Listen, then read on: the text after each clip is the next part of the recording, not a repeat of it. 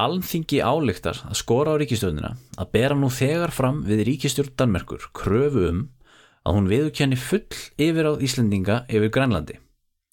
Ef danska stjórnin fælst ekki á þá kröfu, lýsir alþingi yfir þeim vilja sínum að leita verðu málið úrskurðar alþjóð og domstólsins í hag.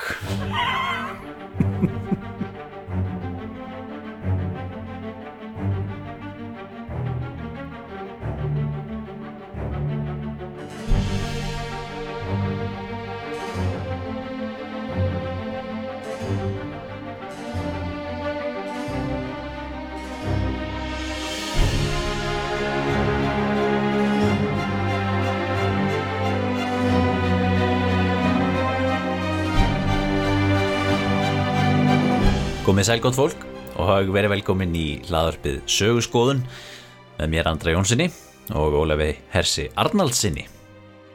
Já, komið sæl. Jæja Ólafur, þá erum við mættir aftur í, í eh, hlaðarpið. Já, hann látti síðan við spöllum síðast saman, þannig að hann var svolítið komin á tíma að ræða hans málinn. Varstu farin að brenna inni með eitthvað? Já, það er spurning. Jú, það er alltaf, gaman að tala um söguna, sko, og sérstaklega þetta náttúrulega að kemur mann svo ofta óvart hvað er unni sagfræði er lifandi ímsu leiti, að ég hef þó sett að tala um eitthvað eitthvað sem gerðist fyrir sko mörgundur árunum síðan, þá getur samt verið svona hita mál hvað gerðist í raun að veru, Nákvæmlega. skipta skoðanir Algjörlega. Sem er nú oft svolítið þema hér hjá okkur félagunum í söguskoðun. Já, Ég vil nú segja það að nefndi þetta við áðan uh, að, að bara, þú veist, á þessu spjalli okkar hérna í þessum þáttum að þá sko hefur maður lært ímislegt sko umsöguna og sérstaklega með þetta, þú veist, hvað bara, þú veist, hvað, hvað eru eh, ma, ma, að sko sagan er alltaf búin til af uh, nútímamönnum og okkar núverandi kynsluð og þjónar henni alltaf og það er ekki þannig eins og, eins og ég held þegar ég var yngri maður þegar ég var ungur maður að þú veist, saga sé sama sem fortíð og allt sem þú lest í bókum sé sannleikur. En mér veist ég sjá það núna uh, eftir að hafa stúderað þetta í einhver ár sko að það er engin einrétt fortíð, það, hún er alltaf bara það sem við segjum okkur í dag. En það er reyndar uppi áhöldum það svo sem já, en, en það er samt, ég sá líka alltaf fyrir mér sko að þetta væri einhvern veginn svona að þú hefur, maður getur bara flett upp í bók og síðan getur bara eins og hann hann von Ranke eh, talað um uh, bara lesið um hvernig þetta eiginlega var. Já, já, já. Það þú veist þessi hann frek, frekt dæmi, hann talaði um það á 19. öld að sagfræðin myndi snúast um það að skrifa um það hvernig hlutirnir voru í raun og veru. Já, VS Ægendlich var Já, einmitt, er og meðan að þú veist það er nú ekki þannig vegna að þú ert alltaf takmarkar af því, þú veist, hvað ertu með heimildum, þú veist, hvernig tólkar það ert með. Og það er einmitt það sama sem ég sé með þess að þætti okkar, þú veist, þegar ég verið að kynna mér hitt á þetta, þá hef ég oft segið, já, ok það sem ég held var alveg stórkostli einföldun á þemannu, ég þarf að endur skoða þetta þess, þetta er nú aðeins flóknar eða, já, ok, já, það er ekki hugmynd um þetta. Já, og það er það sem gerir náttúrulega sagfræðina kannski jú mikið meira spennandi að hún er mikið meira lifandi heldur maður kannski já, býst við. Að ég held að margir hugsi sem svo að sagfræðin snúist um það hvernig hlutinu voru. Algjörlega. Og menn það er mjög umdelanlegt hvernig hlutinu raun voru algjörlega og fer allt eftir í hver er að segja það sko. Já. Að að það er líka þetta, ég held að þú komist aldrei, aldrei hjá því, eða fram hjá því að þegar þú skrifa sagfræði að þá ert alltaf litaður af þínu eigin umhverfi. Já, og, og þú ert alltaf einhvern veginn með nútíman með þér þegar þú ert að skrifa söguna. Og það auðvitað hefur áhrif. Með nútíman í farteskinu. Já, já, Þetta verið svona titill á. Nákvæmlega og eins og til dæmis núna hann með, já, með nútíman í fartæsku en eins og, eins og bara til dæmis núna deilutnar Palestína Ísrael. Já, hvernig allar er raun og verið að skrifa sko sögu Palestínu þá eða sögu Ísraels eða til dæmis bara þetta hvað við að kalla þetta landsvæði? Til leið og bara það er umdýrnalegt hvað nafn ætlar að nota? Já, já, og svo þegar þú skrifa söguna að þá kemst ekki tjá því heldur að jú, þetta er lifandi deiluöfni í dag sem skiptir mjög miklu máli og hefur áhrif á miljónum manna og mjög heitt þema. Algjörlega. Þannig að, og til dæmis í Nóri það er áhugaverðin í, Nóri, er þetta mikið sko heitara þema heldur til dæmis á Íslandi. Sérstaklega fyrst með það ef ég ber saman sko íslenska fjölmiðl og norska. Já, já, norsku kirkjun og íslensku og svona þannig að það að skrifa um þá sögu palestínu þó að sé ekki nema á hérna 15. öld eða, jafnvel, eða Ísraels eða hvaða horfðu vilt nota mm. kemst ekki fram hjá því að þetta er umdennanlegt og erfitt mál. Já, já, fara alltaf eitthvað gaggrinni algjörlega. Já, já, current events eru náttúrulega alltaf tengjast alltaf sögunni líka. Já, algjörlega. Og er mér líka áhugaverð þetta bókinans Orwells þarna 1984 já, þar sem hann vinnur er það ekki í sannleiks uh, raðnetinu Já, Ministry of. Truth er það ekki? Þar sem hann þeir er eru alltaf að endurskrifa söguna eftir því sem passar hverju sinni. Og það er mjög áhugavert fyrirbrið því, þú veist, jú, er alltaf erum við ekki að vinna í því en þú veist, við erum samt alltaf að endurskrifa söguna einhver leiti en veistu, með eh, svona, góðri skeið af einföldun má í rauninni segja það að sakfræðingar séu að vinna sakfræðingarnir í háskólanum séu að vinna við það að endurskrifa söguna eftir hvernig hún endar hverju sinni. Já, já, ok, það er kannski góður punktur. Og- og allir hinir líka. já, já, er svolítið þannig. Það er svolítið þannig sko. Já, en það er nú gott að hafa húmor fyrir þessu já, og það er hérna, mikilvægt. en það er auðvitað ekkit þú veist, allir sammála þessu endilega. Ég meina þetta er sko, ég meina ég, við komum nú aðeins inn á hérna í síðasta þættir að, að já, við vorum alltaf hérna í þessum svaka hefi umræðum hérna síðast já, að tala um uh, heimildirnar. Já, já. Og hérna á nú gott að taka sér smá málkvíld eftir þá það er miklu umræðir en hérna nei, svo ánsi ég ætlum að fara að opna þá umræði aftur sko, en, en þetta með sko, trúa heimildunum og þú veist, og það er þá þetta skilur þú veist, að, að sko, þú veist við, við erum bara með þessar heimild sem við höfum fyrir okkur og við, þú veist, og sagan er bara þess að stendur í þessum heimildum sem, veist, Alexander Mikli skilur, það er bara það sem að sagan af því er bara það sem að einhver fraksjón fraksjónir af einhverjum upplýsingum sem hafa borist til okkar. Mm. og um, við vorum myndið að tala um það með Alexander Mikla ég man eftir að við tölum um það sko þegar hann kom inn í Egiptaland þá var Egiptaland sko 3000 ára gamalt. Já, já. Og þú veist, pældi hvað er mikil saga þar sem við vitum ekkert um mennu sinni? Mm. sem að þú veist bara hefum ekki hugmyndum. Já, þó það sé mikið sem við vitum um það þetta. já, já, algjörlega. En það er alveg góða punktur. Þetta er eins og bara, ef við veitum ímynd okkur til þeim sögu Íslands eftir þúsund ár. Já, eða eina sem væri til frá árunum kringum hvað við segja 2000 eða til 2015 eða hvað það væri. Það væri ekkert til nema bara dagbækur Ólaf Þargnars Grímssonar. Þú veist það var eina heimildir sem hefðir um íslenska sögu. Já, þá náttúrulega væri það mjög litað af því rétt eins og ef það eina sem væri til væri dagbækur Davíðs. Þú veist þá myndi það vera allt önnur söguskoðun og þetta til dæmis þannig til dæmis til dæmis í rómarska líðveldi og falla rómarska líðveldins það einasta eina eða það sem er megninu til sem er, það sem er mest til eru rít Cícerós já. sem þú veist litað þá alla söguskoðun og rosalega þú veist. Þetta, er, þetta er rosalega góða punktur. Mér að pældi því til mér að þú veist að taka bara einhverja bók skáldsögu frá okkar nútíma mm, og uh, og bara lýsa samfélaginu út frá þeim út frá henni. Já, og hérna og þú ert þá bæði að segja sko já þetta er satt og rétt sem gerist í þessari sögu. Þú veist þetta, þetta er sannleikur segja sömur Mhm.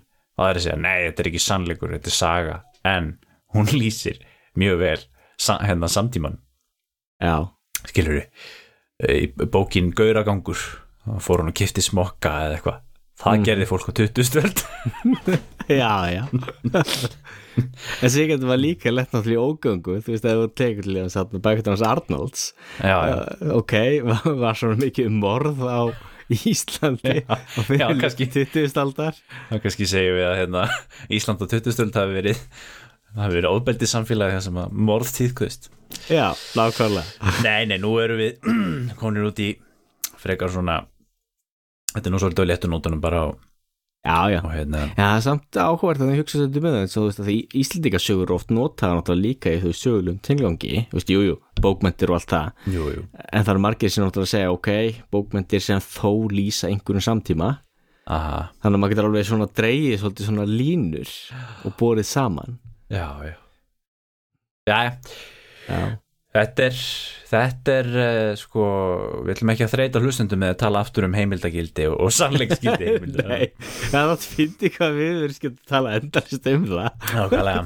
Herðu, við erum laður fyrir sögurskoðun mm -hmm. það eru ykkur nýjir hlustendur og koma hér uh, ferskir að viðdækjunum þá erum við sem sagt að tala um sög og uh, þetta er þáttur nummer 39 og uh, við vorum sem sagt að tala um heimildir og, og höfum svona allum að fara aðeins í meiri sögu núna.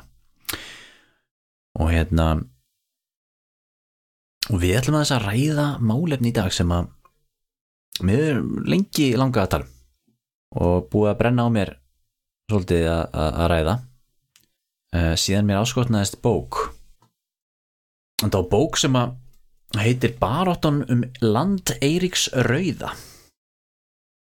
eftir norska sagfræðingin Ídu Bull sem var gerð hennar við, við háskólinni í Bergen árið 1972 kom út á brendi og og, uh, og fjallar um það þegar að norðmenn voru að leitast eftir því að fá yfiráð yfir austur Grænlandi og fyrir hlutu 20. aldar nú í beinu, beinu framhald af því að þá gerist það sem að kannski um, ekkert marga hefði grunað að við Íslendingar fórum að um, tala um það að við ættum tilkall til yfiráða á Grænlandi og það má segja sem svo að þetta tímbil frá sem, sem fyrirlut á 20. aldar og fram að miðbygg 20. aldar að sé tímbil það sem að já, uppi eru áhöld um uh, hver eigi að stjórna stóra hvíta risanum í vestri Já, já.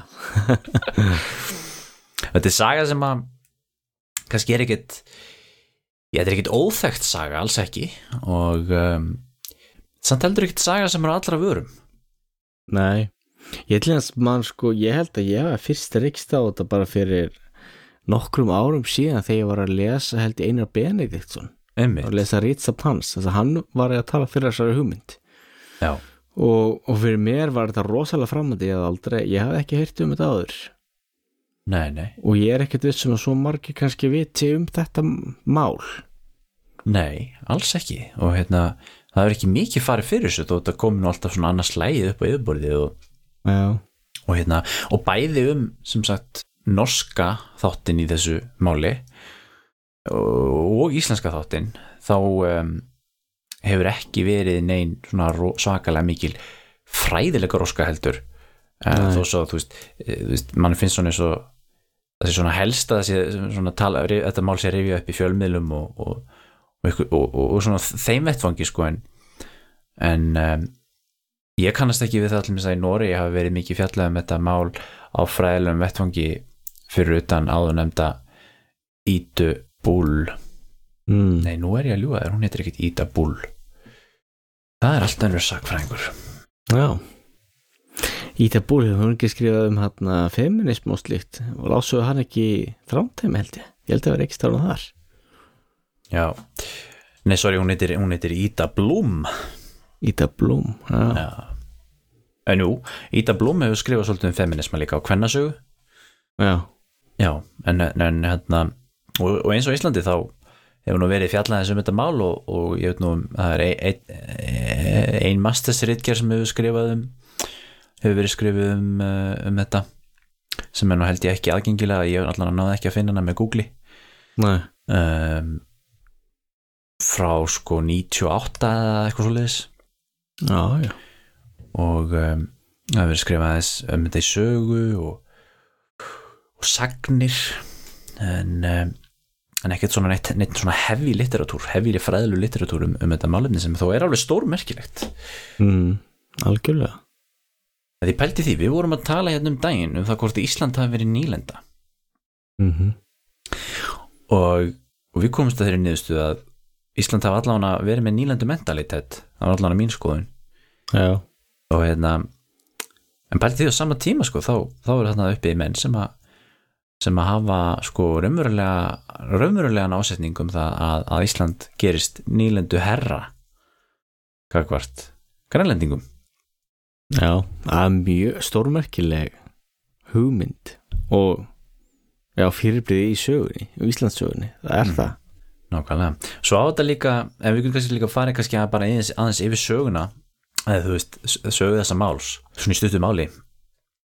En um, þetta á rættur sínur að reykja til þess þegar að um, náttúrulega Danir stjórna grænlendis og við þekkjum, erfðu það frá normönnum í gegnum um, kalmarsambandið og eða, í, í, í gegnum sambandsettið normenn mm fór síðan áfram með ásand Íslendingum og færingum yfir í Danska ríkið árið 1814 með kílarsamningnum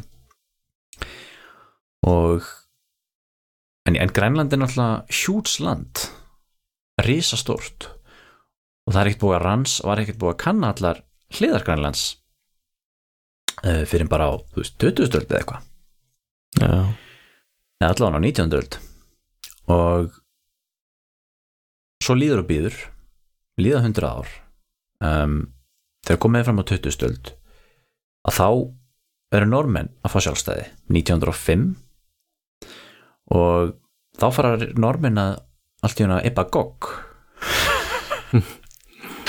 Og þeir fara að leggja áherslu það að vegna sögu þeirra sem fyrrum herrar Grænlands og vegna atvinnustarfsemi þeirra á Östugrænlandi að þá eigi þeir í raun tilkall til Grænlands.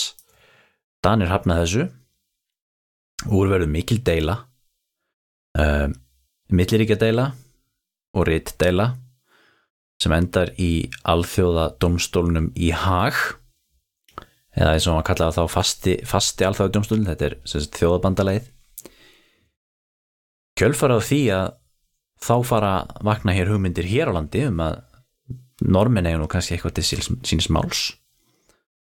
Og um, getur ekki verið að við Íslendingar eigum kannski tilkall til Grænlands vegna okkar um, fornu tengsla við Grænland.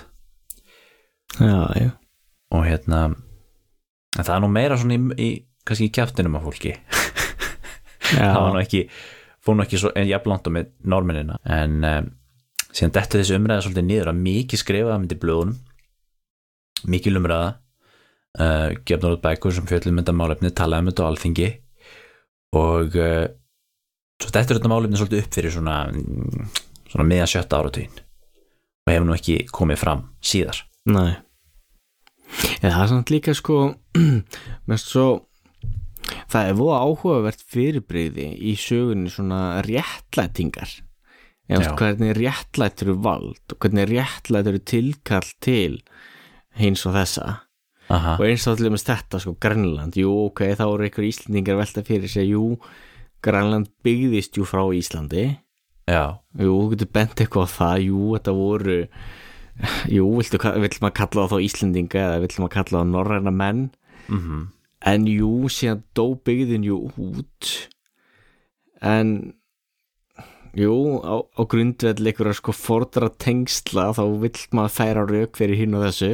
Já, og þú veist, ótrúlega hlutir hafa nú gerst. Ég mánu eftir því þegar ég las það í fyrsta skipti að frakkar réttlættu tilkalli til, til Sýrlands og grundvelli krossferðarna þannig að þú veist og það voru að tala um þetta eftir fyrir heimstýröld það er langsótt. Og þú veist, það er mjög langsótt er þú veist, það var samt það sem þeir notuði uh, já, það er spurning. En séðan líka spurning, veist, jú, hvað er menn tilbúinur að viðurkenna? Já. Einmitt og hérna, já, þetta var einnig byggt á þessum forna rétti og, og ég kannski komið aðeins aftur á því setna, nei á eftir þegar við tölum að þessum hérna, þessi, þessi, þetta íslenska, þennan íslenska þessa íslensku hugmyndir en, en normenn náttúrulega þetta er merkilegt að þetta var miklu alvarlega mál á milli normenn á Dana þú veist, það, það gekk miklu lengra en það voru þetta alveg harðar deilur á milli þeirra mm. og hérna og normenn enduð með því að þeir sem sagt hernámu eða já, hvað orðalega á maður að nota hernámu en ekki rétt orðið kannski? Nei, en hvað maður að kalla? Sendir nú eitthvað lið, var það ekki? Jú, jú, en þeir allan á tókuland þetta var landtaka. Það má alveg kallaða það 1931 til 1933 og um, þóttust eiga landið. Kalluðu það Eirík Raudes land Já, já, land Eiríks Rauða. Já. þetta er, þetta er sérst risastort landsvæði á austuströnd Grænlands. Það var líst yfir 10. júli 1931 þetta var á milli Karlsberg Karlsbergsfjörðar í suðri og Besselfjörðar í norðri. Og þetta er rétt norðan við Skorsbysund en ekki svo langt frá Íslandi. Og ég kíkti nú á þetta í kort til þetta sé cirka 500 km eitthvað í beinni loftlínu. Nálega eins og þert yfir Ísland já. og hérna þarna var þetta búið að vera mikil norsk umsvif þannig að þeim voru að veiða og veiða bæði fisk og sel og annað sko. Og tengist líka svolítið þessum norska íshafsimperialismi sem hann kallast. Já, en normin náttúrulega lög undir sig hérna Jan Mayen og Svalbarða. Þekkiru til þeirra sögu? Er þetta ekki hluti af því ferli? sko, jú, er það ekki ég meina, við getum ekki sett þetta í samingi við það svolítið normin eru svolítið að koma þarna fram á svona heið alþjóðlega sjó, sjónarsvið Mm. á svona við upphaf um, 2000-aldar og erum alltaf þessu í staðan að fá, fá sjálfstæði þarna frá, frá Svíum 1905 og, Mhm. og eru að gera sér gildandi sem svona landkönnunar þjóð Mm. Já, því það er einmitt mikilvægur hluti sko að norsku sjóun og Nóri er náttúrulega rosalega sjóþjóð þessum tíma. Já, já, mikinn verslunarflóta og sildum allan heim og, eins og nefndi líka mikið af náttúrulega hérna, landkörðum eins og hann Nansen. Eins og Nansen, já. Og Amundsen, og Amundsen, já. Þau voru þarna fyrstir á Suðbólinn og fyrstir eru Grænlandsjökul og, og hérna já, Jan Mayen nefnir líka. Mánu ekki hvernig það kom til? Nei, sagt um einhverja heimildamindum um hérna her, herstuðin á Jan Mayen?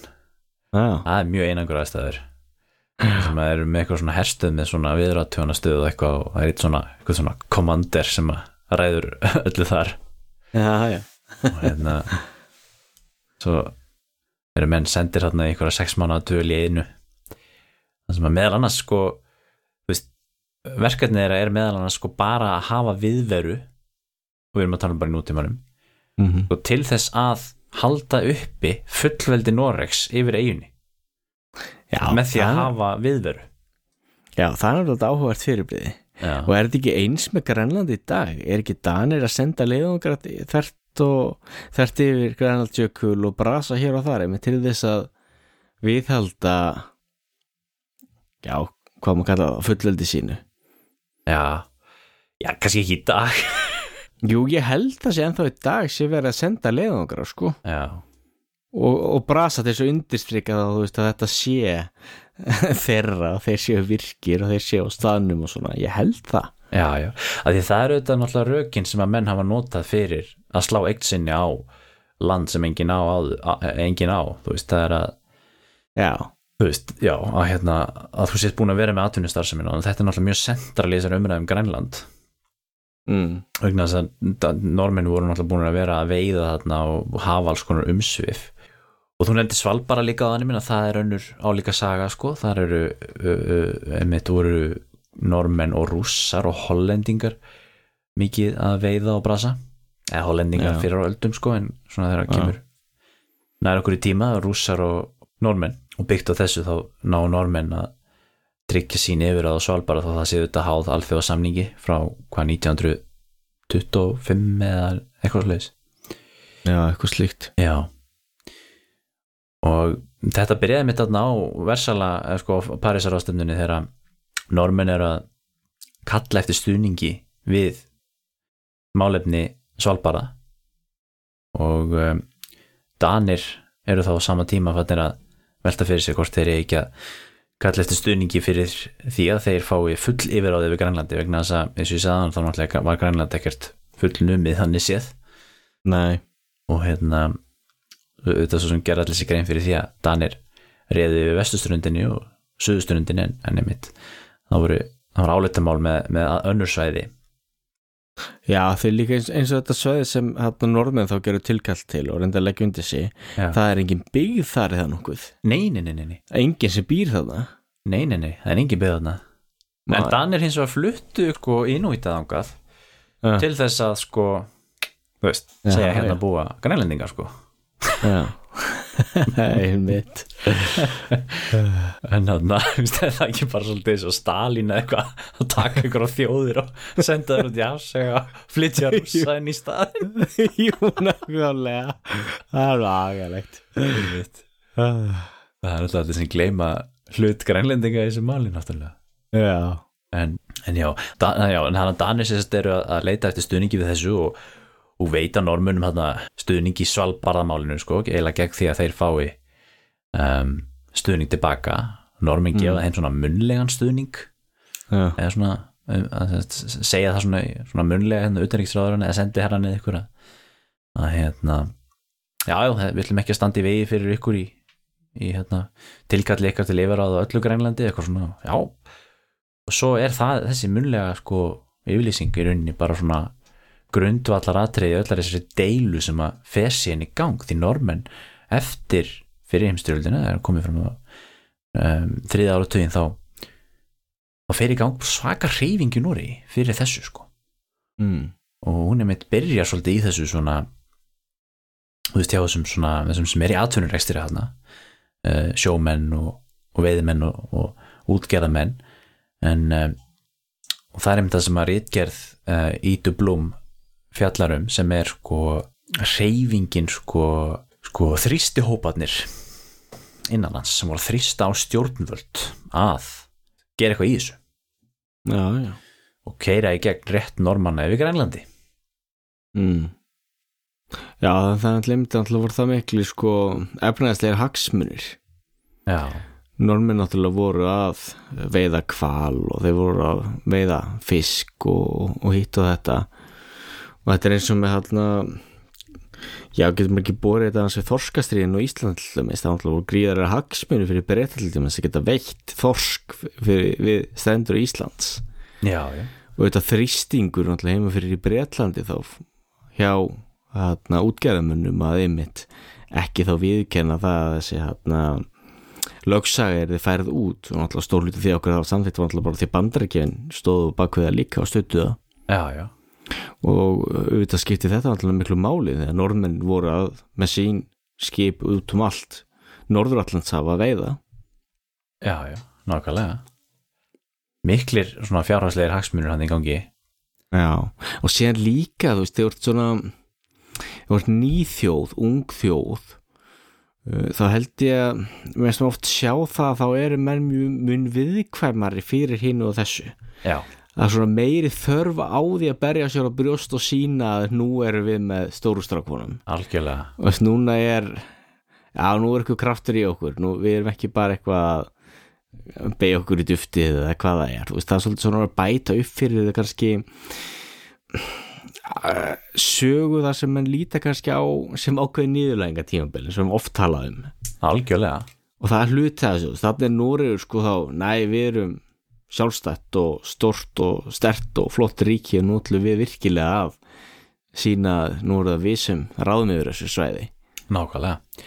Og þetta, þú hitti naglan algjörlega höfuð með þessu því að, því að þetta var svolítið orðræðan hjá þessum þrýstu hópum uh, innanlands í Nóri og þú veist, þetta var alveg þetta voru, þetta voru, þetta voru svona viðtæk um, reyfing sem hefur bara verið kvöldu Grænlands reyfingin skilur við, á milli 1920 og 30 og þú voru stofnir svona Grænlands fél út um allt land og var landsamband Grænlands reyfinga skilur við Já. og þannig að þú veist, þessi þjóðverðnislegi þrýstihópur sem var svona annar armurinn á móti þessum efnagslega þrýstihópi.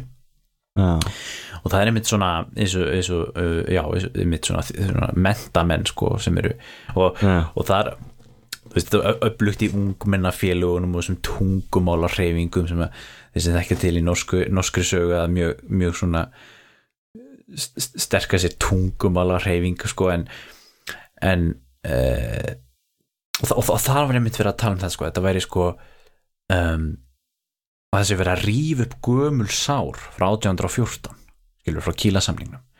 Og þú veist, yfirgangur Dana skilur, Danir að valta hérna yfir okkur og skýtu um skónum já, og þeir eru og, og, og, og, og þetta er svolítið svona líka svolítið svona versala fílingur í þessu sko. Hérna, svolítið svo með sko hérna, þú veist, þegar, þjóðverja voru að, veist, að tala um sko hérna rýtingurinn í bakið og þetta sko Mm. að og það, var að byrja að tala um kílarsamningin sem eitthvað svona óréttlátan samning sem hefði verið þrönguð upp á normen sem, vissilega var. Ég held að þér að ekki haft neitt um það að segja sko. Og hérna þetta er alltaf kannski reynda svolítið líkt versalasamningur á mörgu leiti. Greir svo að lýsa við sjálfstæði og þú draga allt í land. Nákvæmlega. Og hérna og í öllum þessum Íshafsimperialisma norska þá það var ekkert annað sko ekkert, ekkert annað mál sem að vakti upp svona mikla tilfinningar og svona sterkar reyfingu í Nóri mm. um, og það er einmitt að þetta var svona uppgjör við Danmörku út af þessari fortíð. Og þú séð það líka veist, af því að normenn fóru beint undir svíja skiluru og voru þar í hundrað ár eða svo þá einhvern veginn var aldrei neitt uppgjör við Dani Nei. gömlu herra þjóðina. Þannig að það kannski svona brist svolítið fram í þessu máli.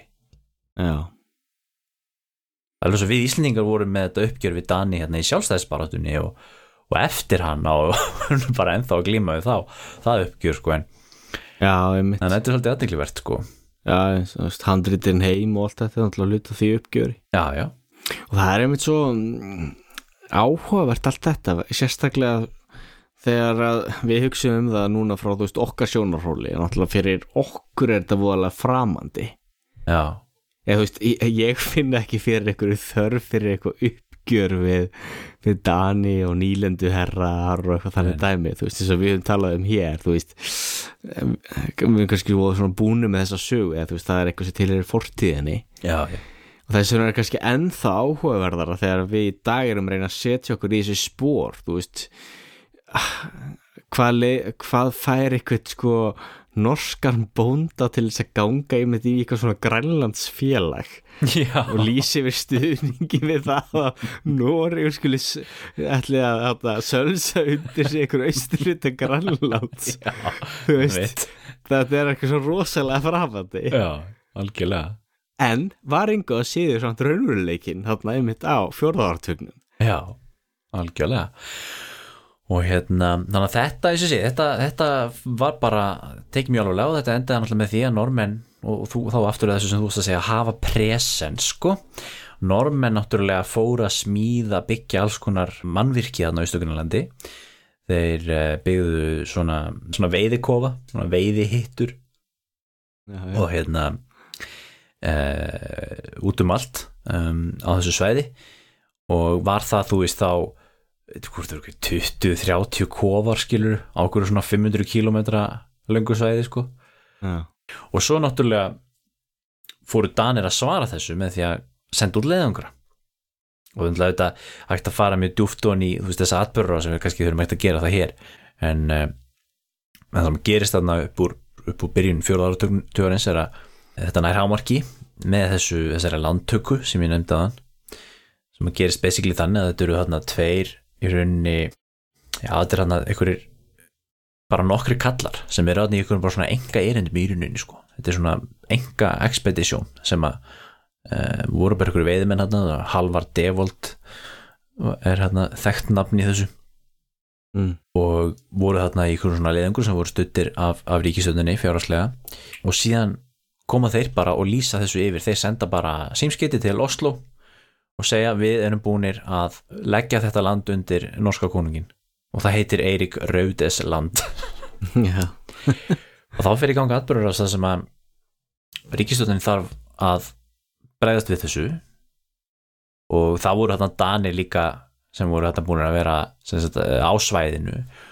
Og normin höfðu verið að sagt, eitthvað að segja þú veist, setja upp ykkur að síslumenn hann með laurugluvald sko síðan komu Danir og settu upp sína síslumenn og þannig að þetta var orðið bara mjög kalt stríð. Í orðsins vilstum verkingu og það enda með því að, að norska ríkistjórnin undir miklum þrýstingi og líka tala um það að var ný, ný, ríkistjórn, ný, ný sem þurfti að fá eitthvað svona smá svona búst sko.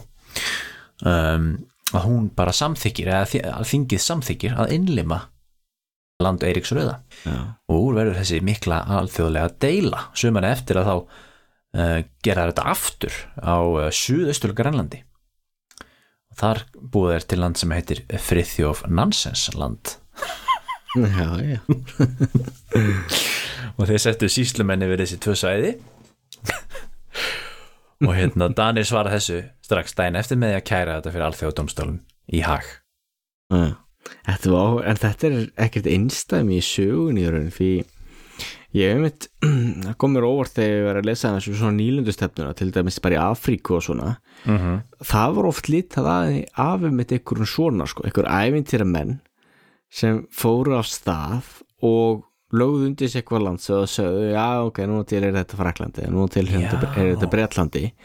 Vegna þess að sko oft voru þetta einhver sko eyðimerkur og einhver afskektir frumskóur eitthvað svona sem höfðu ekkert efnagslegt gildi og voru ekkert um að vesen fyrir ríkistjórnir Evrópu. Na, já, Þannig að það var oft sko við að heima fyrir sko stjórnmálumenn ég vildi þetta ekki en síðan var pressa frá almenningi að því þá var tengst við þetta einhver, einhver dýrð og einhver dýrðaljómi og stolt þjóðar og svona rugl. Já, þannig að þú veist það, þetta er líka alveg kaplúta fyrir sig sko í nýlendustefnunum í Afríku. Já, veist, þetta er góða punktur. Hann er rauninni eru Danir og Normenn þarna, þú veist, svolítið að þú veist feta bara svona í fótspor sko og, og kannski sérstaklega Normenn auðvitað, þú veist, sem eru þarna bara að láta þessu okkur já. sig yfir eh, búa til eitthvað presen sem að kannski er ekkit efnaðaslega ég þekki ekki nákvæmlega hvort þetta hafi eitthvað hvort þetta hafi grætt eitthvað efnaðaslega á þessu þannig séð sko, ég veit það ekki en jú, jú, þeir náttúrulega voru með þessi veiði þessi, þessi þarna voru að græða eitthvað á þessum veiði rétti já þarna en samt þessi þetta fiskvölöks og svona það kemur svo mikið setna, það kemur ekki fyrir eftir setna stærið jú, vegna þess að sko það var nefnilega þannig að Danir höfðu svolítið sérstakar nýlendustjórnanda á Grænl- Grænlandi. Ok, og hún fólst í því að þeir voru með svona verndarstefnu og einókunarstefnu á Grænlandi. Uh, kannski ólíkt mörgum öðrum tegundum af nýlendustefnu við erum rætt þetta áður, þú veist það er nýlendustefnu það sem er verið að merksjúa skiluru öðlindir og svo nýlendustefnu það sem er verið að menta og, og séða fólk til og svo framvegis og, og síðan er nýlendustefnu það sem er verið beinleins að breyta fólki bara skilur skiptum þjóðurni og svona eins og, eins og eh, í verstu tilfellunum.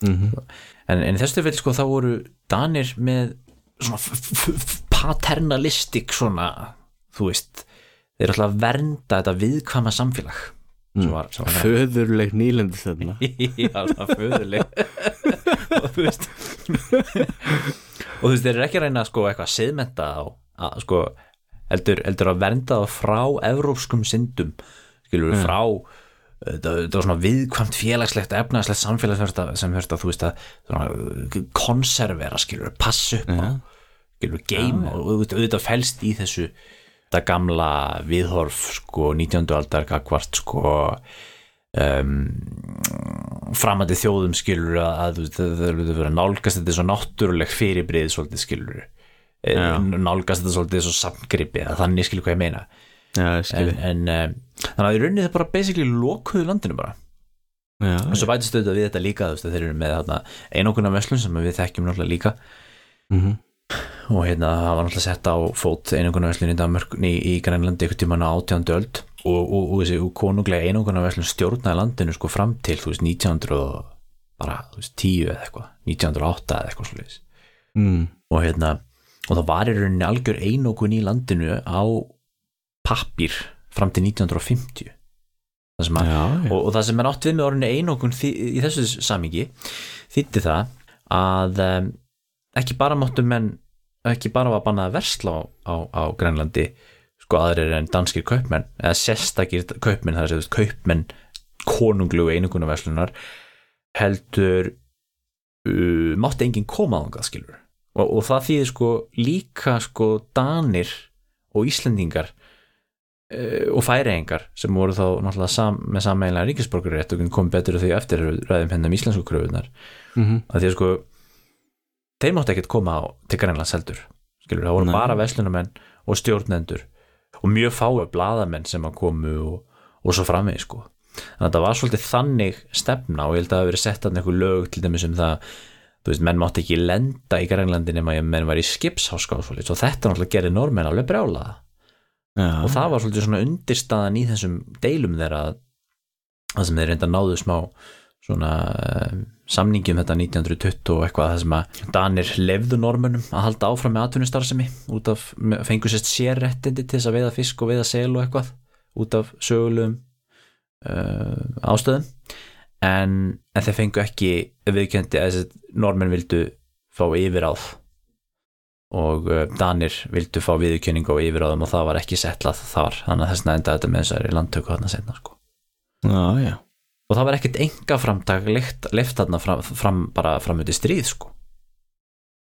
það er mjög áhugavert og áhugavert þegar hafa einmitt loka landinu svona já og ég get alveg trúið því og ég held að ég hef lesið það veist að landinu hafi verið þessi, þessi veist þetta hefur oft verið reikið með tapi skilur meina þetta, þetta var Já. efnaður sem var óháður til dæmis heimsmarkasveiflum og, og innflutningur var ákveðin bara eftir þörfum fólksins þannig veist, þetta var þetta kannski kannski hugmyndin er kannski góð sko. Mm. einmitt að vernda samfélagið og svona. Sannleikurinn náttúrulega en sannleikurinn náttúrulega sá í dag er náttúrulega Grænland náttúrulega er að ýmsu leiti vola brotið samfélag. Já, og til dæmi sko veit það að menn hafa verið að það koma hinn um þessar rannsóknir sem var sínt allir með sem 48% held í stúrkna og hvort þessi 46% reyngja segja að þau hafa upplifað ofbeldi einhvers konar. Já, og kynfyrsofbeldi er sko landlægt vandamál. Já, og til dæmis þá er í fréttunum bara fyrir nokkru vikum síðan að, að dönsk, uh, danska ríkistjórnin í samstarfi við þá sveitafélagi Grænlandi uh, hafa uh, sé, mun, eða, á ætla sér að opna um, hús og þá heimili fyrir grænlensk börn uh, yfir mánaðamótin alltaf. Já, já. Og það er þá vegna þess að mánaðamótin þá fær fólk útborgað og þá er farið beint í ríkið og svo er leið í brennivinn í marga daga. Já og þá til þess að hlýfa börnunum. Veist, þetta var í fréttanum bara fyrir nokkrum vikum síðan. Þannig að, þú veist, jú, þetta hljómar þetta, já, mjög sérkennilega og allt það. Mm. en maður getur alveg spurt sig, þú veist, jú, hvort sé ekki eitthvað fótu fyrir því að ætla að reyna að verja þetta samfélag fyrir þá evrópskum syndum. Evrópskum syndum. En ekki það eins og ástandið í dag þá hefur það hugljóslega ekki tekist. Nei, nei, nei nei, nei, þetta kannski er það afleggingin af því. Ja, kannski, já. já, en þetta er búið áhugavert þetta sko staða Grænlanda því að sko mér í því dag, veist, Grænland er ekki með tapi, þú veist, dansk, dansk danskir skattgreðendur borga með grænlandska ríkinu. Já, er það? Já, er þeir ekki alveg að fara að vera eitthvað moldríkir af einhverjum öðlindum og það mikið verið talað um það. Og það það sem hefur verið að keira sko þessar grænlensku sjálfstæðsbaráttu já, að það er þessi mm, eftirvænting og trú á að þeir munu finna sko með olju eða ná að vinna sko einhverjir hérna hinn var þessi náttúruðuleiti til dæmis hvort það sé gull og eitthvað slíkt Já, sko, ekki og það muni málmu. þá geta eitthvað málma og það muni þá leiða til þess að, að Grænland geti staðið undir sér. Já, en, en sem staðan er núna þá er það ekki þannig sko. Danska ríkið heldur já, Grænlandi uppi. Ég Ga- getur alveg sagt það. Þeir, kannski Danir hefði bara átt að selja Grænland til Trump. Í raun og veru held ég að efnaðslega sé að það verið skynsalegast fyrir danina og ég held reyndar að sé sami færiðar ég er ekki alveg viss en ég held að færiðar séu líka mínus fyrir dani. Já. Ég mjög þekkja ekki sko. Já því þú veist það er ekki 50 mann sem búa og þú ætlar að halda upp í sko lífsgæðum eins og er í dag sko þá held ég að fiskiðinaðurinn standi ekki undir því. Það er ekki oft talað um að það sé ástæðan fyrir að þeir hafi ekki að þau hafi ekki farið út í það að fá sjálfstæðum það er ekki efnast grundvöldu fyrir því sem var auðvitað líka spurning þegar voru að, að hérna, tala fyrir sínu, sínum um, í sinni þjóðfélagslis bara á 19. öld sko, þá voru, voru, voru, menn náttúrulega á þeirri skoðun að það var ekki efnaðanslugur fótu fyrir því sko. Já, já, algjörlega, það er alveg rétt Já, algjörlega. En um, það sem að gerist er svo er að þetta mál fer fyrir um, alþjóðdómstólinn og þeir dæma dönum í hag og það sem er mjög aðdeglast í það finnst mér líka að vera annað þessu sem að þeim stundum hugsa um sem er þessi dómstól og hlutverk hans. Við þekkjum nú þetta sko, eins og ég sagði hann, þetta er þjóðabandaleið sem er stopnað eftir fyrir heimstyrjölduna sem er á að vera verkfæri til þess að koma í veg fyrir um, annað stríð og við þekkjum öll þessa sögu um, við rættum hér í hlaðarpinu sögu skoðunum um Japani til mér svo einu í Mansúriu mm. hvernig um, þjóðabandalegin tókst ekki að koma í veg fyrir það Mm. og svo náttúrulega erum við með þetta dæmið þarna í, í, í það sem Ítalið ráðast inn í Abyssíu um, Mm. Eþjópíu þjóðverjar farin í Rínarlönd Austuríki, Tjekkoslóki og allt þetta. Þessir undanfari setni heimstyrjaldur er oft nefndur sem svona já, sjáðu hvað þjóðabandalegið sökkaði. Já, nákvæmlega. Þú veist, meiri sé bandar ekki menn tók ekki þátt í skilur og, og hérna nú ætlum ég ekki að fullir það um að þessi domstól hafi ekki gert neitt auðvitað náttúrulega eru tók hann fyrir alveg fullt af málum og, og í einhvern svona milliríkjadeilum um, um hitt og þetta og, og dæmdi í fullt af málum en, en stundum finnst mér svona eins og um, og ég ætla að segja þetta kannski bara með smá svona skeiðasalti að svona einu skiptin sem að veist, þetta var virkaði sko eins og þetta átt að vera sko, Þa, það var í, í tilfellinu þegar uh, normenn og danir voru að rífast um Grænland Já, og síðan þegar finnar og svíjar voru að rífast um Álandseyjar. Það var einmitt einstæmi, það var á millistýris árunum þegar, þegar þau, þær þjóður sendu Álandseyja spurninguna fyrir alþjóða domstölun og hann dæmdi að finna rættu að eiga að og það er líka það sem er svo kaltæðislegt sko hérna veist, þessa þjóðir, Norrlanda þjóðnar skilur það eru það, er, er þær sem eru að virða þarna niðurstöðu svona alþjóðlegs dómstóls í, í deilum um yfiráði við löndum og svo leiðis nokkrum árum setna þá fara fer allt í bál og brand einmitt út af deilum um landsvæði og svo leiðis mm og hvað er að fyrsta sem gerist? Eða ok, ekki að fyrsta, hvað er að annað og þriða sem gerist? Þessi stórveldi ráðastinn í Norrlund Já, að þeim forspurðum Skilurðu, Ísland er hernumið Færir er hernuminn, Grænland er hernumið Mm. Noregur er hernuminn, Danmörk er hernuminn Finnland er næstuði hernumið Mhm. bara Svíþjóð stendur eftir og, Mm. og það sem er svo kaldast er ekkert, ekkert þessara landa hefði áhuga að fara í stríð. Það er engin þjóð í Európa sem hefði minni áhuga að fara í stríð heldur en Norrlöndin Já, já. Það er einmitt mjög áhugavert. En það er einmitt líka, þetta er mér oft hugsað til þess þarna í Pelopseyjar stríðinu. Já, að þá þarna eru, að, voru aðþenningar hefur drullusokkar já, og þeir krefja síðan eiguna er ekki Melos?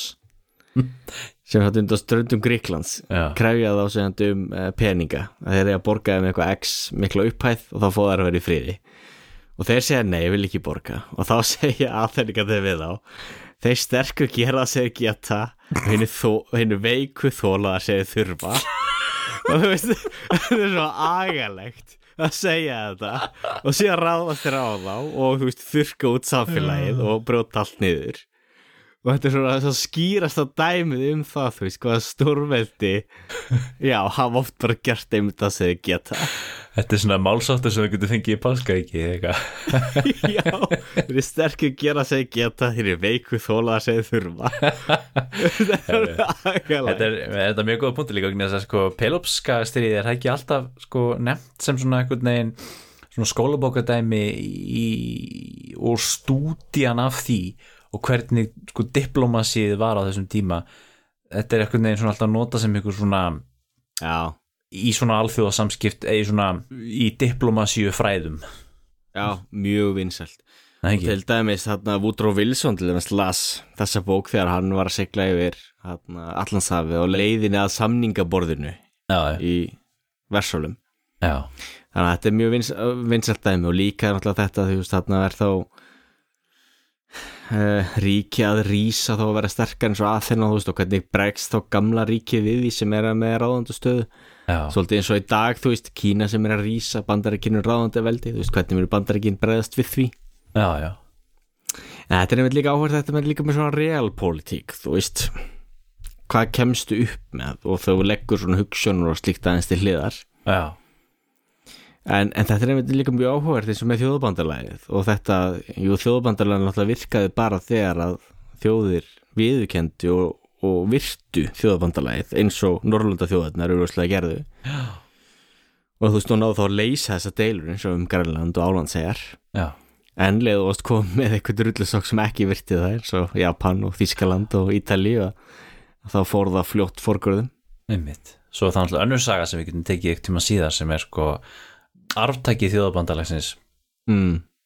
saminuð þjóðunar og hvernig þær virka og, og þú veist hvernig, hvernig, hvernig umhverfið hefur verið þar með með náttúrulega svona bipolar heim undir, eh, undir kjarnorku og, en það er já, já það er önnur saga. En hérna, þannig að þetta mál náttúrulega já, normenn bara sögðu ok sorry, þið vinnið. Og bara bara hafa ekki, hefur ekki hýrst múkið þeim síðan. Jú, reyndar Quisling náttúrulega vinnur okkar. Jú, jú. Veistu það, ég var að lesa sko, sérst mm, vi- vissulega held þetta mál áfram hjá svona mm, menningarlegu íhaldinu í Noregi og, og í hægri kred, kreddum í, í hæ, hægri sinnum um, kreðsum um, últraþjóðni sinnum, aktivistum og svona í Noregi. Þetta var, þessi, þetta málefni áfram upp á borði. Og hérna, og náttúrulega þessi reyði í garða alþjóðsamfélagsins svona versala syndrom skilur sem, sem bara held áfram þarna hjá, veist, þessari ultrahægri sko senu uh, sem að náttúrulega Quisling kemur svo inn í. Mm. um, og þegar að þjóðverið svo hernema Noreg og Quisling kemst til valda og National Samling og þá sko þá vaknar þetta eins aftur til lífsins sem samt ekkert neitt að neinu viti sko. Um, Nei.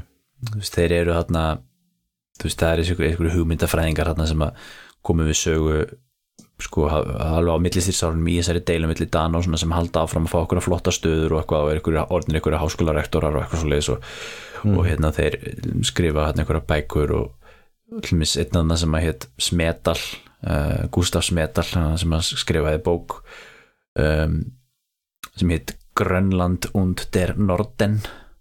Já, já. Uh, með, með, með þarna, engangi eftir Knut, Knut Hamsun með að segja. Já, og hann var sendur sko til Þískalands meðalans til Hitlers og Ribbentrop sko. Já, já. Og meiri sem var ég að lesa það í dag í einhverju bók að hérna ég náði ekki að kanna það betur að sem sagt uh, og þetta er mjög aðtilvært að á, á, á, á sem sagt, fundi Kvistlings með Hitler í desember 1939 notabenni og nú bara að rekast á þetta í dag sko, en þetta er ekkert nú fyrir ekki um mér ég er að fara með einhverja fleipur. Þá sko á hann að hafa rætt við hann meðal annars um að hann ætti nú endilega koma og leggja undir sér Noreg og svona. En kom fram í þessari bók að hann hafi afhent Hitler minnisblað þar sem að talað er um að um, færa í Grænland, Ísland og Færiðar aftur undir Noregs veldið Já, og hérna, ég hef nú ekki kynnt mér þetta svo rosalega vel en, en hérna, nei. það er svona aðlega að maður hafi heyrt þessu fleikt fram sko, að, að norski nasistar hafi verið með svona hugmyndir en, en, en, en djúr verið til að sjá þetta minnisblad Já, það er og gaman og að hvað menn eru, hvað eru actually að segja þarna skilur Já. Það var mjög áhugavert.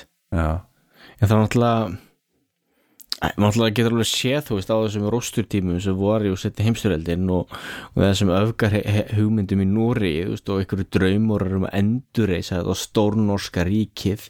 Mm að því náttúrulega Nóri voru á miðöldum og það tegði ánga sína til Grænlands og meira segja til Bretland segja, réðunu yfir Mönn og og hann Suðureyjar hann Hebrides undan ströndum Skotlands og svona þannig að maður getur alveg ímyndað sér að einhver hafi verið með aðra en sjúmyndir á, á lofti. Já, en ekki það, en samt mjög áhugavert. Það er nefnt mjög spennandi ef maður geti, já, þetta, ef þetta minnisblæði til og maður geti lesið það. Já, já, og svo náttúrulega er auðvitað þessar hugmyndir sem örgulega til eitthvað staðar annars staðar á prenti og að mm. það getur verið skemmtilegt að, að þess að reyna að komast yfir eitthvað, rít sem hafa verið gefin út af National Samling þar sem að þessar hugmyndir eru reyfaðar, ég hef ekki séð þær sko Mm. en annað en bara svona þú veist flykt fram í ykkur rítni setningu í ykkur sögubók sko, Já, já, sjá hvað er í alveg að vinna með þessu já.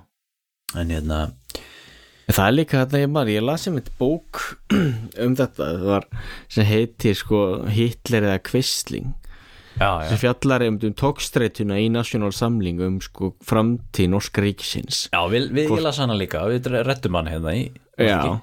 Jú alveg rétt við rættum að og hvort þetta byggja þá stór Norska ríki eða hvort að Nóri er rætt að vera hluti af Þískalandi eða stór Þískaríkinu og þetta er náttúrulega þá hluti af því þá stór Norska ríkið með Ísland, Færiðar og Grænland. Já, þannig kikið þessa bók að þú hvort þessi eitthvað að tala um þetta. Já, já.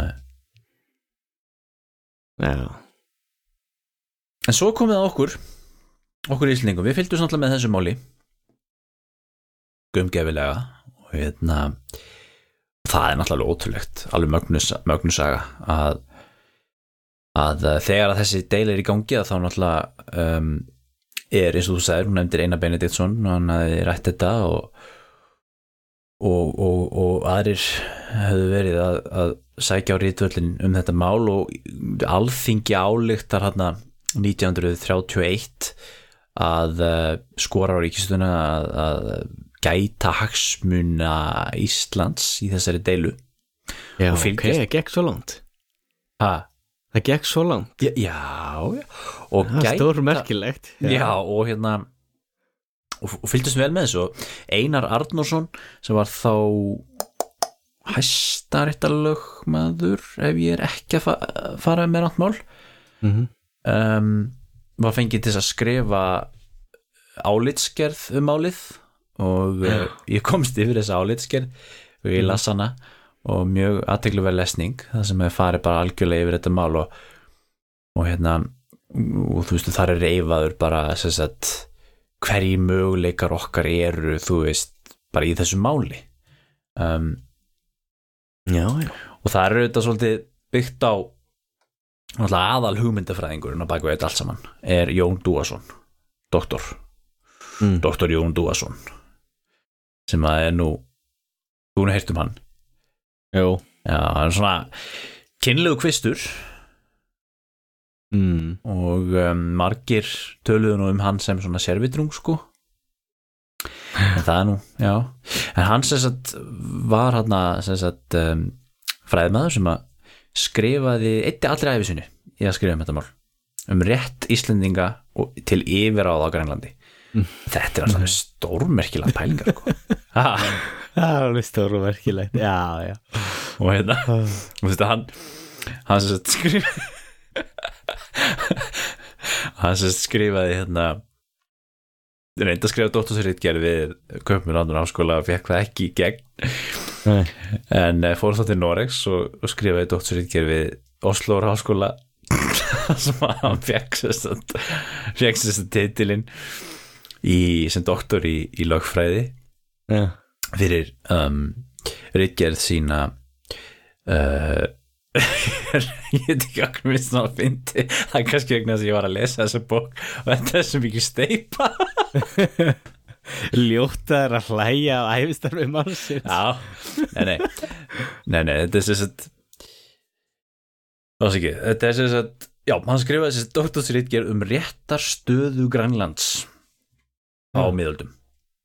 Og þessi bók kom síðan út hérna á, á íslensku og gefin út uh, bara af opinberu fjö það sem sýnir sko, vilja hins opinbera til þess að taka þessu alvarlega skilur, menningarsöður styrti útgáfu þessa rits og uh, við erum að tala um hvorki mennina minna en 1500 blaðsýður Já. af spekulasjónum um þetta. Nei, nei, þetta er náttúrulega, þetta er alveg flugáða maður og, og alveg bara, þú veist, ég, ég las þetta aðeins, mér, ég, mér áskotnaðist þessa bækur hérna, Mhm. alveg ótrúlegt að hvað, hérna, er hægt að komast í góða bækur á í hérna amtsbókasafninu á Akureyri sem þeir eru alltaf að selja bara fyrir 100 kall eða eitthvað og þessar Ok. bækur voru bara til sölu þar. Þetta var nú gaman eiga og gluggaðan sí Já, ég nefnilega hafði ekkert fundið þetta, bók, þessi bók heitir sko réttarstaða Grænlands Nýlendu Íslands. Nýlendu Íslands, já. Já, og kom út sem sagt 1947 Já, svona seint. Já, þú veist, þá er hún, þá er hún gefin út sko á íslensku sko. Já, já, já, þetta en allavega um, þetta eru 1500 blaðsur og, og þetta er auðvitað svona réttar sögulegt svona, veist, þetta er svona vera að fara yfir svona eitthvað svona þjóðarrétt sko skilur, og vera að færa rauk fyrir skilur því að að Ísland sko, að Grænland hafi byggst frá Ísland og hafi verið algjörlega, þú veist, bara íslensk nýlenda og þú veist, og vera að kafa í lagateksta gráka og Sara Jónsbókar og, og færa þannig rauk fyrir því og, og þú veist, Já, menn geta svo sem lesið sér til um þessi rauk, þau eru alveg mjög merkileg og kannski sérstaklega þetta, þú veist, þegar við talað um hérna e, já, þú veist, það sé ekki talað um grænlendinga, grænlendinga er ekki, tel, er ekki taldir upp á meðal útlendinga til dæmis eins og, eins og til dæmis normenn eru. Já, um, það er gert ráð fyrir því að veist, Grágás, hann vil meina að Grágás hafi gilt á Grænlandi. Hann vil meina að á Grænlandi hafi verið sko löggjafaþing nei fyrir ekki dómsþing en ekki löggjafaþing vegna þess að alþingi hafi verið löggjafaþing Dam- Grænlands já, já. um, Að, Og- já. já og hérna og færið fyrir þessu alls konar rauk meðal annars þau til þess að Jónsbók var sendi Grænlands það eru vist ykkur heimildi fyrir því og hérna en þetta er þetta þetta er rosalega erfitt að þetta er bara svo rosalega lítið af heimildum til já, og hérna og hann, hann allavega fer hann yfir þetta allt saman í þessari bók sko sem, sem tveimur bindum. Mhm. farið yfir alla þessa sögu bara sko frá þú veist frá því að fin Grænland finnst og veist, það farið líka við réttastuðu Ísland skilur réttastuðu færi og þú veist og, og svona skandinaviska réttarhefð og þú veist stjórnsýslu hefð og bara þú veist þetta, þetta er alveg flott ritgerð sko al- og, og flott bók sko mjög, mjög, mjög lært rit sko að því leitinu til sko en já, en, en svo farið yfir veist alla söguna líka það sem gerist eftir á um, veist, eftir að Grænland týnist og þeir að vera að leita Grænlandi aftur og, og þar vil hann meina dæmis að þú veist á Íslandi hafi allir vita það bara þú veist alla tíð sko líka á síðmiðöldum og þú veist átjönduöld og þú veist allir vissu það að Grænland var íslensk nýlenda skilur þetta er bara einhver Danir voru bara að búa til einhverja uh, eftir á skýringu um það að þú veist grænlend, að grænlendingarnir hafi þú veist að grænlendingarnir hafi verið dáið út af, verið drefnir af skrælingjum skiluru og síðan hafi Danir endur uppgöta nýlendun og þetta sé allt bara eitthvað þetta er svona, þetta er, þetta er svona og hann er náttúrulega rosalegur anstæðingu Dana. Já, mér fannst nú ég ætla bara, þú veist, voni ég hafi ekki verið að miskilja þetta en veist, ég gæti ekki skilið öðruvísi heldur en að hann hefur verið að halda því fram til þess að þú veist, að, að, að Íslendingarnir sko hafi blandast sko sko það sem hann kallaði skrælingja. Já, og síðan hafi sko komið það sem hann kallaði Eskimóa sem er sko önnur þjóð sko. Ok. Og þú veist, og svo, og svo til mér sem hann talar um að þegar menn voru að fara að leita að Grænlandi til þú veist, 16. öld og 17. eða já, 17. öld og 18. öld og svoleiðis, að, að þá hafi menn sko komið þarna að og séð ykkur að sko skrælingja og þá, þú veist, þá segir ég að það- það- þess, þess, þessi monn voru au- au- augljóslega afkomendur Íslendinga því þeir voru svo þeir voru svo, báru sér svo vel og voru svo hörkuduglegir og voru svo flottir og fallegir og eitthvað svona sko já, ok. Hérna, þetta er- já, verða svolítið crazy hugmynd finnst mér. Já, að ég sé það. Já, þannig að hann á maður að segja, þannig að hann lítur þá sem svo á einu og þannig séu þá afkvæmundur þá Íslendinga líka. ég, ég, hérna, það sé eitthvað tengsl? Ég, þetta var svo flóki sko, þetta er svo, Já. eitthvað svo hérna, ég, en, en já, ég gæti ekki sé betur en svo að, að, að það væri hugmyndin sko, að eitthvað leiti sko það sé þá eitthvað svona, svona continuation eða? Já, e- eitthvað svolítið ég, já, ég bara hvet fólk til að lesa þetta en svo náttúrulega þarf maður ekkert að lesa þessa, þennan Dóðrand sko því að hann náttúrulega skrifaði hellingum myndi í öðrum bókum hann skrifaði um, um blaðagreinur um þetta og, svo, og þetta er náttúrulega fyrst og fremst þessi um, þessi lagalega stað veist, að, að það gengi út frá því að Grænland hafi verið íslensk nýlenda hýrt Já. undir Ísland byggð af Íslendingum og þar að leiðindi sko hefðu við ekkert glata þeim rétti skiluru nei. Það bara skilur við, við, Það það, bara, svo- þessi var bara stólið af okkur skilur Danir komum bara stálu þess af okkur. Já, það sem er svo áhvert þetta líka þannig að sér maður svo stert líka sko þess að þá ja, skoðun samtímans á því hvað ríkisvald og hvað þjóð er. Að það er þá þjóðríkið með öllum sínum þarna, stofnunum. Mm. og meðan ég held allavega í dag myndum að freka lík líta á sko Grænland sem og jafnvel Ísland, er alveg fært rauk fyrir þetta að vera sko ríkislaus samfélög á þjóðveldsöld já, já, þú veist vegna þess að það þá meira sko það þá, ef þú ætlar að nota leðans einhverju sko mannfræðilega aðferðafræða þá myndir meira að horfa á sko persónuleg tengst einstaklinga og, já, já. og, og meira eitthvað slíkt og ætla að fara að færa rauk fyrir til þess að, að Ísland og, og Grænland hafi verið einhvers konar sko ríkis heild á þessum tíma það held ég að vera mjög erfitt að fara rauk fyrir því í dag já ég, ég held að það sé alveg rétt og ég held að þessar kenningar haldi einhver vatni sko, ég held að sé þú veist það, já, ég trú ekki að sé neittna eitthvað að tala fyrir þessu og þetta sé eitthvað eh, veist, ég, það, ég held að sé hafi verið, hafi verið sko, en það var samt á þessum tíma auðvitað uh, menn sem að voru að skrifa undir þessar pælingar en svo auðvitað líka margir sem að sögðu að þetta væri bara bullshit sko. Já, og þá kannski sérstaklega er þetta komið inn á að þetta, uh, þetta tekið svo langt sko, þetta tekið sem ég segið inn á alþingi skiluru og minns Einar Arnórsson uh, sem ég nefndi á þann hann 1932 skrifa þessa álitsgerð þarna og, og til minns að hann talar um sko að uh, jú, jú, hann vitnar auðvitað Jón Dúarsson og svona en, en, en nefnir kannski önnur önnur rauk fyrir því sem að við getum mögulega kannað og svo og mitt setna meir þegar þetta fer inn á umræður í alþingi skilur og þá eru alveg menn sem að segja bara sko þú veist bara, við viljum ekki taka þátt í þessum skrýpaleik að fara að láta þess að við eigum einhvern rétt á Grænlandi skilur og svo en svo eru þetta aðri sem voru bara þú veist hinn merki fræðimaður hérna Pétur Ottesen þingmaður um, sem var talaði svona kannski mest vókal fyrir svona alþingi.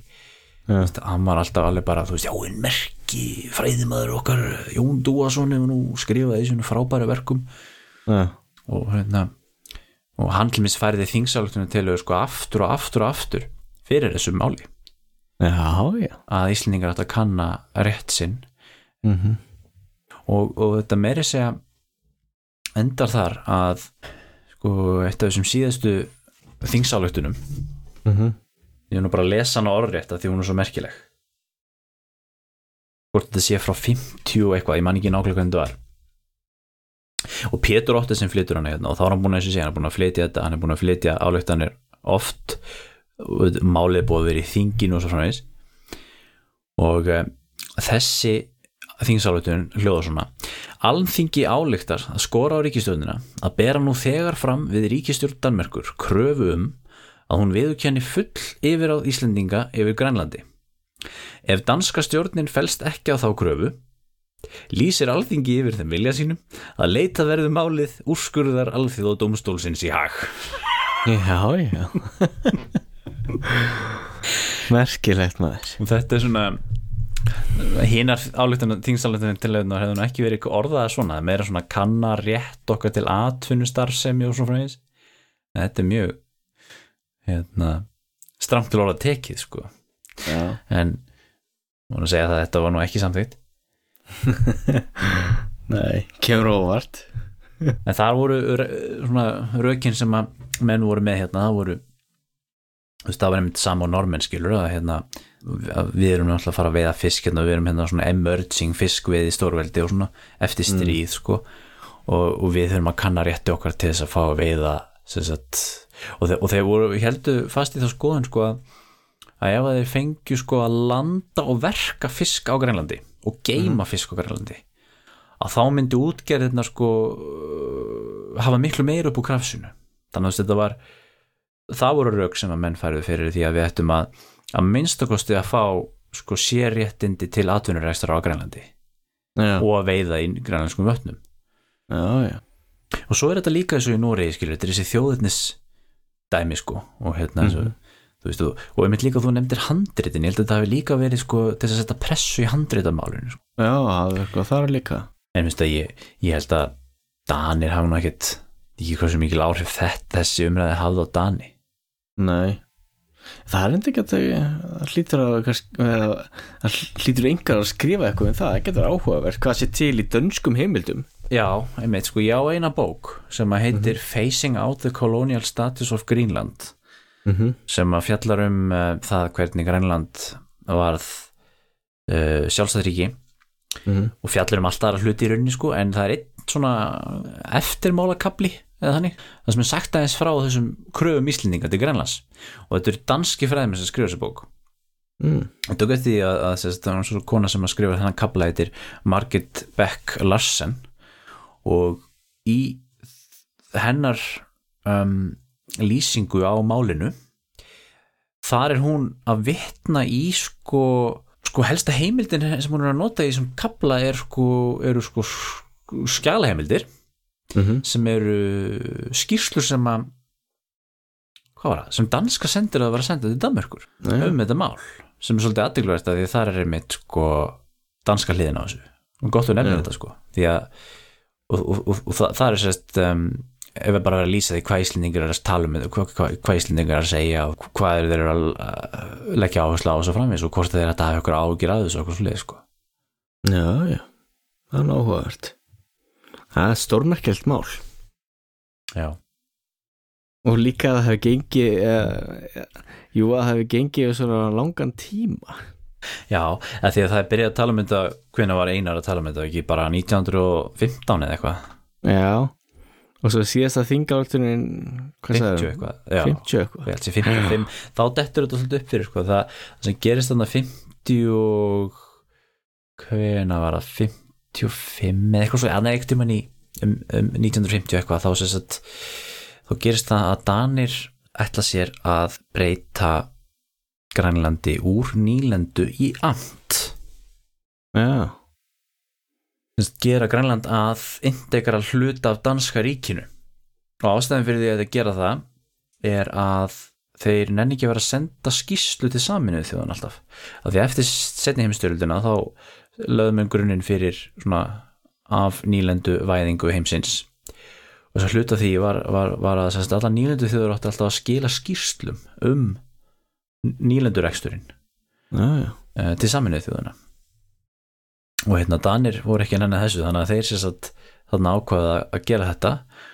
Og um, hvort þetta var þannig að þau þurftu að fá okkur leiði fyrir sig og saminuð þjóða með eitthvað það var allavega hérna atkvæðagreisla Mhm. og þetta var mikið hittamál á Íslandi þar sem að, þar sem að sérst, um, áhangendur um, þú veist þe- þeirra sem að vildu að Íslandingar fengju yfir á yfir Grænlandi eða atvinnur rétt á Grænlandi og svo framvegis að þeir voru rosalega mikið á móti því að Danir gerðu þetta að með því að þeir gerðu þetta þá væri sko veist, þá var máli dögt sko, þá var ekki lengur hægt að vera að krefast eitthvað nýlendu yfir á það og svo framvegis sko. Já, já, og það kom hann að smá sveifla hann í kringum þetta mál. Um, var miklu umræður alþingja því þeir voru að reyna að fá sem sagt, þeir, þeir vildu að íslenski fulltrúin og hjá saminuð þjóðunum myndi kjósa á móti þessu. Eða eitthvað álíka en svo var eitthvað ákveð að myndi sitja hjá og svona eitthvað. Þannig að þetta, var mi- mikla deilur um þetta sko. Já, já. Já, En það var þetta svona hvað, endirinn á þessu máli? Já má segja það sko. Og hérna svona alltaf finnst mér aðtegluvert að sjá hvað gerist svo setna sko því að það sem að gerist eftir þetta er að Íslendingar fara að veiða fisk út um alla trissur hérna í Norðurhöfum og færa út landhelgina.